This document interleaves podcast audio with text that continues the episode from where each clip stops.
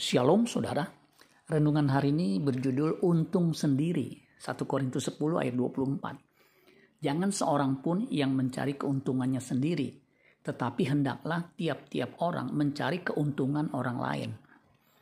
Terjemahan firman Allah yang hidup 1 Korintus 10 ayat 24 dikatakan, Janganlah hanya memikirkan diri sendiri, pikirkan juga orang lain dan apa yang baik baginya Rasul Paulus melarang jemaat di Korintus memikirkan keuntungan buat diri sendiri saja atau egosentris. Orang yang egosentris cepat atau lambat akan menjadi serigala bagi sesamanya. Saya mengamati ada penggiat medsos atau media sosial yang menyuarakan kebenaran demi membela kaum minoritas. Padahal ia menghadapi risiko yang cukup besar.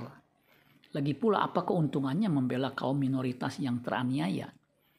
Follower atau subscriber yang bertambah? Tidak juga.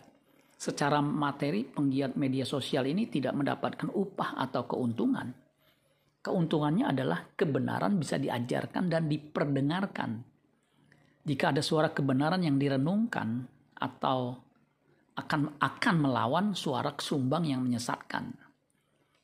Rasul Paulus pernah memperkarakan apa upah atau keuntungan aku memberitakan Injil ia menjawab di 1 Korintus 9 ayat 18, kalau demikian apakah upahku? Upahku ialah ini, bahwa aku boleh memberitakan Injil tanpa upah, dan bahwa aku tidak mempergunakan hakku sebagai pemberita Injil. Apa yang menyebabkan ia berkata bahwa upahnya adalah ia boleh memberitakan Injil tanpa upah? Karena ia melakukan atas kehendak Allah dan ia melaksanakan tugas itu dari Tuhan 1 Korintus 9 ayat 16 sampai 17 karena jika aku memberitakan Injil aku tidak mempunyai alasan untuk memegahkan diri. Sebab itu adalah keharusan bagiku. Celakalah aku jika aku tidak memberitakan Injil. Kalau andai kata aku melakukannya menurut kehendakku sendiri memang aku berhak menerima upah. Tetapi karena aku melakukannya bukan menurut kehendakku sendiri pemberitaan itu adalah tugas penyelenggaraan yang ditanggungkan kepadaku Mari kita warnai media sosial dengan suara kebenaran. Karena kebenaran itu akan memerdekakan kita dari ketakutan, kekhawatiran, dan kesesatan.